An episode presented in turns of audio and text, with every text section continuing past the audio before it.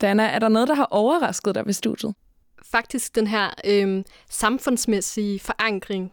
Altså, at det er et studie, hvor man også bliver klogere på, ja, hvem der har ordet, og hvem der ikke har. Det er ikke kun studiet om kommunikation og god kommunikation, og om at kunne rådgive andre i det, men det er ligesom også et studie i at kunne se det, som andre gør med sproget.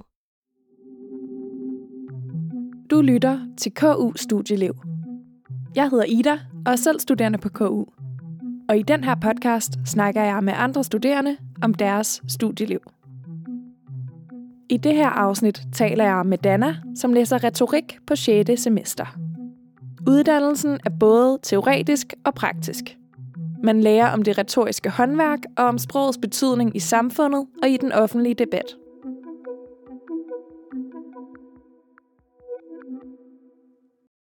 Hvad er retorik egentlig? Retorik, det er læren om skriftlig formidling og mundtlig formidling. Det er en uddannelse i kommunikation. Vi lærer at tale godt og skrive godt. Øh, egentlig sådan meget overordnet set. Ja, og så forgrener det sig ud på mange andre ting også. Det har også en samfundsmæssig forankring, vi lærer os om. Ja, overbevisning, overtagelse. Øh, ej, måske lidt groft sagt, men øh, øh, om hvordan man kommunikerer øh, med hinanden i, i samfundet. Vil du ikke lige prøve at fortælle lidt om din egen vej til studiet? Jamen, jeg er sådan en, der har haft en rigtig lang vej. Jeg havde fem sabbatår. Øhm, jeg troede egentlig, jeg skulle være skuespiller, og jeg gik på en øh, teaterskole, øh, teater grundkursus i Esbjerg i tre år efter gymnasiet, øh, og tog på højskole bagefter. En teaterhøjskole, hvor jeg var i halvandet år, sad lidt fast der, nede på Møn. Øh, og det elskede jeg så meget. Øh, og så fandt jeg ud af, at jeg godt kunne tænke mig at gå lidt med den akademiske vej. Jeg har altid været glad for at gå i skole, og det der med skuespillet var måske mere en... Øh, øh, ikke så realistisk i den virkelige verden. Øh, og øh, så brugte jeg en øh, weekend på min mors sofa på ug.dk, øh, eller hvad det hedder, mm. øh, uddannelsesguiden, øh, fordi jeg skulle ligesom finde det her studie, jeg vidste, jeg gerne ville søge ind på. Og så øh, faldt jeg over retorik, som bestod meget i det mundtlige sprog, og skriftlig formidling, og det var ligesom en ret god kombination af det, jeg godt kunne lide ved teateret. Altså det her med at øh, formidle til andre, både i det fysiske rum, som man gør, når man performer på en scene, men øh, også i det skriftlige rum. Jeg skrev ret meget sådan scener og tekster, så jeg kunne ligesom se øh, mig selv i det, øh, sådan min egen personlige interesser udfolde øh, lidt mere akademisk. Men hvis jeg skal være ærlig, så så havde jeg ikke så sådan klart et blik af, hvad retorik var, inden jeg startede. Øh, jeg kastede mig ligesom bare ud i det. Det var også fordi, jeg gerne ville have hverdagen som studerende. Havde du lidt lave forventninger til studiet, da du startede? Føltes det lidt som en plan B, eller hvordan var det? Jeg havde forventninger om, okay, så går man ligesom i skole, men jeg vil sige, at jeg var faktisk virkelig bange for, om jeg overhovedet var skole klar, om jeg overhovedet kunne, altså om jeg overhovedet var akademisk klar på det tidspunkt, fordi jeg ikke havde gået i skole på sådan en traditionel måde i fem år. Så jeg havde meget øh, ja, tvivl omkring, om jeg kunne klare det sådan fagligt. Øh, og det, det kunne jeg sagtens. Altså, det kunne jeg virkelig godt. Øh, men, men tanken var der virkelig, da jeg startede sådan, okay, er jeg, kan jeg være lige så dygtig som alle de andre? Jeg var også øh, 24 år, øh, så på det tidspunkt, jeg tænkte om mig selv, at jeg var gammel, øh, men det var jeg faktisk øh, slet ikke. Der var lige så mange, som var 24. der var måske en, en god håndfuld på min overgang. Og også nogle, der var ældre. Øh, selvfølgelig var der også en del, der var yngre og gik lige fra gymnasiet. Øh, Hvornår forsvandt den tvivl så på studiet om, omkring, om du kunne klare det fagligt? Der går jo en masse tid med, at man find, altså, lige finder sig til rette, i hverdagen som studerende, og det her med klasseundervisning og teksterne på det her akademiske sprog. Så der gik noget tid, men ret hurtigt, så, så fandt jeg ud af, at det var interessen, der drev mig. Øh, og virkelig meget det sociale på studiet. Sindssygt meget menneskene, der gik der. Det var bare en kæmpe motivation for mig at lande i et fællesskab med mennesker, som var rigtig interesseret i det her med kommunikation, øh, skriftligt og mundtligt, øh, og samfundet, ligesom jeg også var. Øh, så skrækken lagde sig ligesom efter noget tid. Øh, det her med at mærke mine medstuderende gjorde mig tryg og klar til at fordybe mig endnu mere. Fedt. Hvis vi lige spoler tiden lidt tilbage til din studiestart, hvordan var den så? Ej, det var så dejligt. Virkelig dejligt. Vi havde nogle sindssygt søde tutorer. Der var ligesom den her øh, studiestart planlagt. Og øh, der var bare en rigtig god balance med at komme og være øh, i undervisningslokalerne, blive introduceret til undervisning, og så det her meget sociale fællesskab. Så det var også intenst, altså der var meget på programmet. Jeg kan huske, vi var på en øh, Københavner-rundtur, og der var den årlige retoriske grillaften, legendarisk. og øh, så øh, var der også fredagen, som kulminerer. Det er ikke noget, jeg har lyst til at afsløre, fordi det skal man selv have lov til at op- opleve, når man starter. Øh, men der sker noget om fredagen, der er sindssygt sjovt. Øh, om aftenen på en måde, hvor alle kan være med. Så øh, helt fantastisk, både socialt og, og fagligt. Øh, ja. Og jeg kan huske, at vi mødte mange af underviserne, og bare at møde dem gjorde mig sindssygt tryg, fordi de er virkelig fantastiske, dygtige mennesker, øh, og det giver også en, en stor tryghed.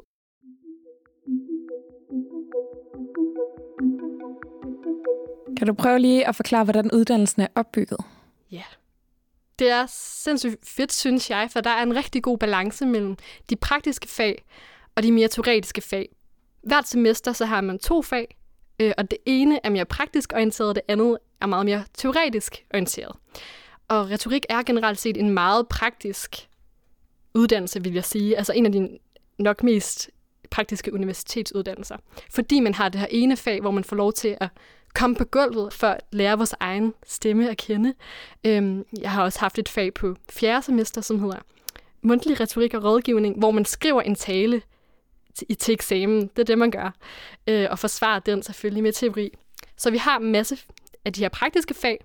Den anden halvdel af fagene er mere teoretisk opbygget, hvor man øh, kigger ned i den retoriske tradition, ser på de begreber og, og forståelser, kigger på det retoriske analyseapparat fra en teoretisk perspektiv, øh, både i forhold til at lave en retorisk kritik, altså øh, se på, hvad andre siger, og ligesom blive klogere på det sted, de står fra, og, og hvordan de gør det, de gør, øh, både i taler og i debatindlæg for eksempel. Øh, ja, så den er meget teoretisk orienteret på den ene side, men så udbalanceres det praktiske. Så det er virkelig lækkert, hvis man øh, sidder der midt i semesteret og er øh, vi har snublet over en eller anden tung tekst, så ved man, okay, det andet fag, det er meget mere praktisk orienteret, og der er lidt mere øh, ja, håndgribeligt arbejde. Du nævnte lige nogle forskellige øvelser. Hvad er det for ja. nogle slags? Eller hvorfor har man det? Jeg tror, det er fordi, at retorikken er jo et håndværk, kan man kalde det. Så det handler om, hvordan man kan lære sin egen stemme at kende. Det kan man gøre gennem nogle øvelser, så man også kan hjælpe andre. Øh, altså rådgive andre i at bruge. Så det er meget hands-on. Vi ligger på en, øh, en yogamåtte nogle gange i, i retoriklokalet, og, og siger lyde, og bruger vores kroppe, og lærer den at kende. Fordi øh, retorikeren er lidt tit, har sit, sin krop og sin stemme som instrument. Ikke? Har det været fedt for sådan en som dig, der også godt kan lide teater med sådan nogle øvelser? Jo, sindssygt fedt. Ja, men det er selvfølgelig grænseoverskridende. Jeg tror, det også kommer an på, hvor man kommer fra. Jeg synes jo sådan noget sindssygt fedt at få lov til at, at være i rummet og mærke min krop og min stemme. Øh, men det er ikke alle mine holdkammerater, som kommer derfra. Øh, så jeg tror også, det har været lidt grænseoverskridende for nogen, men det har jo det her faglige øh, fokus og det her faglige formål. Så selvom det godt kan være lidt grænseoverskridende at, at sige de her lyde og at bruge sin krop, så, så er vi jo i samme båd alle sammen. Og der er ikke nogen, der sådan kigger på hinanden. Det er ligesom bare et fællesskab, man får omkring det faktisk. Hvad gør det ved fællesskabet, det her med, at man har så mange praktiske fag og, og ligger på gulvet? Og... Altså, jeg synes, at der er et helt fantastisk fællesskab på retorik. Og det er jo selvfølgelig fordi, at vi er meget, ja, vi er meget på. Der er mange fremlæggelser, og der er mange øh, øvelser, og der er mange skriveøvelser, og, og meget feedback. Sindssygt meget. Så vi bliver ligesom også tvunget til at komme hinanden ved, øh, og til at, at skabe det her rum, hvor at vi kan ture og stå derude og lave den der mærkelige øvelse, eller stå deroppe og, og holde den tale, eller give den feedback, som også kan være rigtig grænseoverskridende. Øhm, jeg synes, det gør noget sindssygt godt for fællesskabet, at det er så praktisk orienteret. Dana, er der noget, der har overrasket dig ved studiet? Ja, det synes jeg bestemt. Faktisk den her øh, samfundsmæssige forankring, altså at det er et studie, hvor man også bliver klogere på, ja, hvem der har ordet og hvem der ikke har. Det er ikke kun studiet om kommunikation og god kommunikation, og om at kunne rådgive andre i det. Men det er ligesom også et studie i at kunne se øh, det, som andre gør med sproget. Og det vidste jeg ikke, inden jeg startede. Så man får ligesom et rigtig skarpt, kritisk blik på øh, kommunikation generelt. Øhm, og faktisk også på magt. Det handler rigtig meget om, om magt i samfundet. Fordi det er jo noget, som, som sproget har en stor indflydelse på. Så det kom rigtig bag på mig, det, hvor dybt øh, man går i det. Hvorfor synes du, det her med magtkritik er så spændende? Jeg synes bare, det, det snakker ned i, i nogle af de vigtigste ting i samfundet. Altså hvem der har magt og ord og agens. Altså hvem har handlekraft, og hvem har ikke handlekraft. Fordi det betyder rigtig meget i forhold til øh, ja, undertrykkelse af bestemte mennesker i samfundet og deres stemme. Hvem er det, der, der kan gøre og sige bestemte ting, og hvem kan ikke? Altså at få et, øh, et magtkritisk apparat omkring det, at kunne se det og kunne pege på det, synes jeg er rigtig vigtigt øh, i et samfund. Både i det politiske perspektiv, men også i et, ja, et sådan videnskabeligt perspektiv generelt. Man lærer i hvert fald at blive opmærksom på nogle ting, som andre måske ikke øh, ser med det samme. Mm. Ja, det synes jeg selv bare er sjovt og spændende at arbejde med at blive klogere på. Jeg kunne forestille mig, at man får et helt nyt blik på mange af de ting, der foregår sådan i den offentlige debat og i, ja. i medierne. Ja, man bliver, jeg synes, altså, man bliver meget kritisk. Man bliver meget sådan, leger djævelens advokat på mange ting. Sådan, ja, det siger du, men hænger det sammen med din yderligere argumentation, eller hvor du kommer fra, eller din positionering og sådan. Så øhm, ja, men øh, man bliver lidt et kritisk og meget detaljeorienteret i sin, øh, sin måde at arbejde på. Hvad synes du egentlig har været det mest udfordrende på studiet indtil videre? Jeg synes, det er udfordrende at blive mødt af sin egen sådan perfektionisme. Jeg vil gerne nå det hele.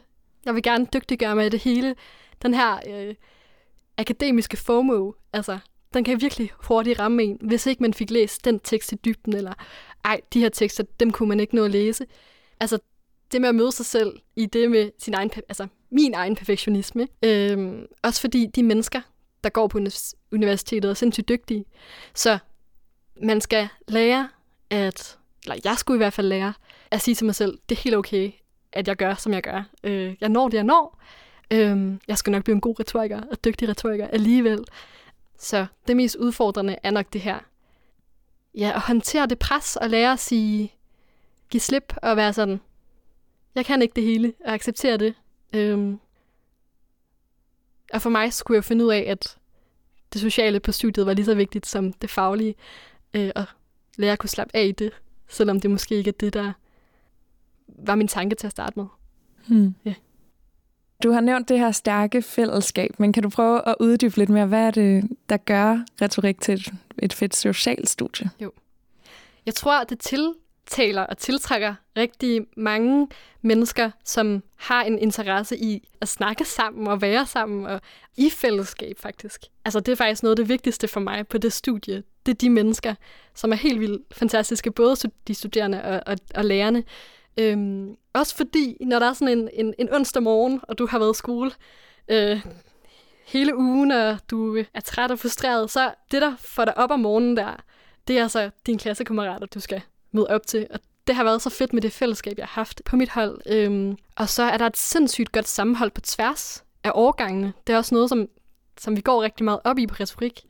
Øhm, jeg kender ret mange, både øh, ældre årgange øh, og yngre årgange.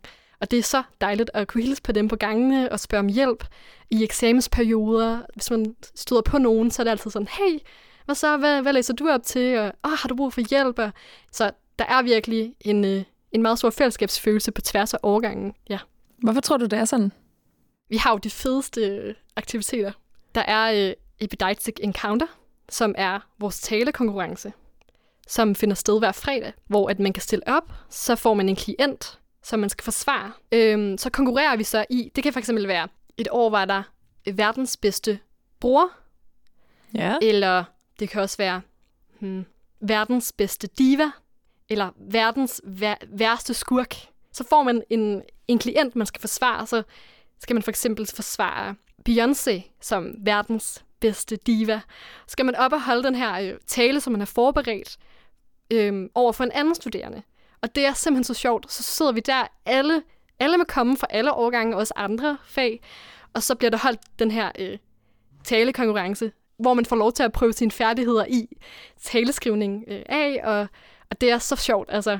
Og det er også fordi, at det er retorikere, der er publikummet, så den der kiasme, eller den der ja, ordstilling, eller den der metafor, det er så noget, som retorikerne virkelig sådan sætter pris på. Så det er et rigtig godt rum at, at prøve det af, man har lært at, på en virkelig, virkelig sjov måde. Øh, og så drikker vi en masse øl og, og har det rigtig sjovt over det. Så det er sådan et, et sted, hvor alle kan komme på tværs af, af årgangen. Øh, Og det er simpelthen noget, der er hver fredag ja, når sæsonen begynder, så er det sådan over, det forløber over otte fredage eller sådan noget. Fedt. Så er der selvfølgelig øh, en masse fagrådsarbejde, man kan være med i. Har jeg selv snuset lidt til. Sindssygt hyggeligt at møde og diskutere fagets øh, problemstillinger øh, med medstuderende, både yngre og ældre. Og så selvfølgelig har vi øh, julefrokosten for alle øh, årgange, hvor man kan møde hinanden på kryds og tværs. Øh. Hvad med studiegrupper? Er det noget, øh, man selv laver, eller bliver det fordelt? Det er noget, som bliver fordelt faktisk på alle semestre. Jeg tror ikke, det er sådan på de fleste andre studier. Men øh, den studieansvarlige laver ligesom de her studiegrupper hvert semester. Så kan man selv efter andet semester ønske øh, op til fem mennesker. Og så kan det være, at man, kan, altså man kommer nok i gruppe med mindst en. Men man skal ligesom være i den studiegruppe, man bliver sat i. Og det synes jeg selv er vildt fedt. Øh, ja, jeg synes, det er mega fedt, at man får lov til at arbejde sammen med mange forskellige mennesker. Jeg har været i, ja, hvor mange, mange forskellige studiegrupper. øhm, og prøve at arbejde sammen med forskellige mennesker. Og så er der altså den her tryghed med, der er en gruppe, der er lavet for en. Øhm, så er det ligesom på plads. Og hvordan bruger man så hinanden i studiegruppen? Så skriver man opgaver sammen, og, øhm, og også fremlæggelser. Det er der faktisk en masse af, vil jeg sige. Øhm, man kan også bruge dem til at diskutere en, tekst. Det har jeg også gjort i nogle øh, semestre. Altså mødes en gang om ugen og diskutere tekster. Det er også muligt at, at give forskellige gruppemedlemmer ansvaret for forskellige tekster. Altså ligesom på den måde overlevere det og, og lære af det. Øhm, der er også rig mulighed for at altså, få et rigtig godt socialt fællesskab i, øhm, i sin studiegruppe. Dejligt. Ja, det er mega rart. Har du et studiejob? Jeg har et studiejob. Ja. Og hvad laver du på dit studiejob? Ja, jeg arbejder som, de kalder det chat-analytiker. Jeg arbejder for en virksomhed, som øh, laver, øh, udbemander kundeservice-chats til andre virksomheder. Mm. Øh, det kan være lidt teknisk at, at følge med i, men øh, så det, jeg arbejder som, det er sådan in-house retorisk rådgiver. Jeg laver en masse feedback-samtaler, workshops øh, og kigger ned noget analyse. Så det er meget sådan, øh, jeg får lov til at arbejde med min retorikfaglige viden, og det er så fedt, synes jeg. Altså det her med at få en masse ansvar, og også at kunne øh, holde det, jeg lærer, op imod et virkeligt arbejde. Jeg kan virkelig anbefale folk at få et studiejob, fordi det, det vokser man af fagligt, øh, og også sådan mere professionelt. Altså det med at gå ind i at få et professionelt job, det, øhm, det er et godt tidspunkt at gøre det på, fordi man stadigvæk er studentermedhjælper. Så det er også begrænset, hvad folk kan forvente, forvente af en. Øhm, og jeg nævner tit på mit studiejob, jeg er studentermedhjælper. Jeg er studentermedhjælper. Så, øh, så folk forstår, at, at det er også en læring for mig. Selvfølgelig er det et arbejde, men det er også meget mig, der kan prøve mine færdigheder af og, og vokse på det. Når du nu har et job, øhm, hvordan har du så løbende gjort det med det her med at strukturere? Ja. Øhm, afsætter du så tid til læsning, eller sørger du for altid at komme til undervisning, eller bruger du din studiegruppe, eller hvad gør du?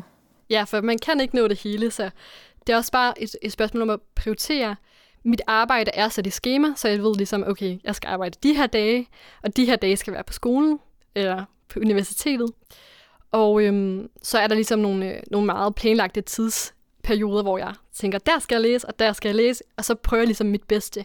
Man lærer ligesom de her studieteknikker. Øh, man lærer ligesom at skimme og læse øh, konklusioner, og så øh, arbejde lidt mere sådan reflektivt omkring teksterne, så man, altså, det er ikke altid nødvendigvis grundighed eller sådan i, i dybdegående arbejde, som er mest udbytterigt. Man skal også finde ud af, hvad der fungerer for en. Altså, og det er faktisk fundet ud af, at fungerer rigtig, rigtig godt for mig. Fordi jeg er sådan en, jeg kan, jeg kan godt gå meget i detaljen med ting. Men altså, er det det mest effektive for mig og min læring? Det er jeg ikke sikker på. Så jeg vil sige, man lærer altså noget ved at udfordre sig selv og prøve ting af. Altså, det, det er ikke sikkert, at det, den studieteknik, man brugte i første semester, er, er det bedste for en. Så det, det er også erfaring, vil jeg sige. Man lærer også at blive god til at læse over tiden. Og det var jeg ikke i starten, hvilket jeg også frygtede, at jeg ikke ville være. Men det blev jeg undervejs.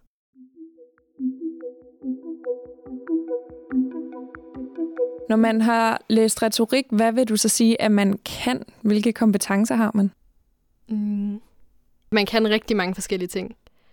Øhm, man har et sindssygt godt overblik over sin egen formidling og også over andres.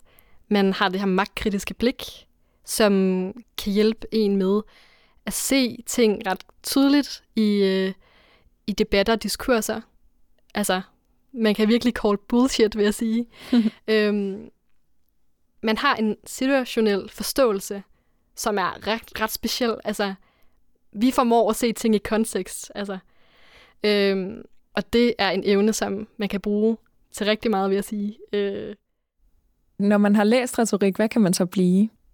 Man kan arbejde i ministerier, man kan arbejde i politik, i partier som politisk rådgiver, man kan arbejde som kommunikationsrådgiver i alle mulige virksomheder, man kan arbejde på bureau, øhm, i marketing sådan generelt, man kan arbejde med som underviser på gymnasier, som forsker selvfølgelig, øhm, som journalist også, eller skribent, eller på forlag, ja, eller som retorisk rådgiver øh, med et mere mundtligt perspektiv.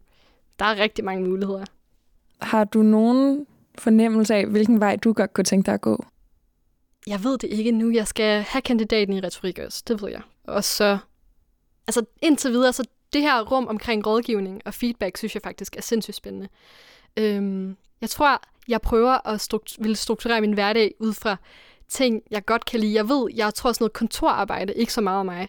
Så jeg tror, jeg kommer til at være meget opsynende omkring sådan øh, arbejde, som fungerer mere øh, i rum med mennesker, om det så er sådan rådgivende, eller øh, holde nogle workshops, eller mere læringsbaseret. Det finder jeg ud af på et tidspunkt.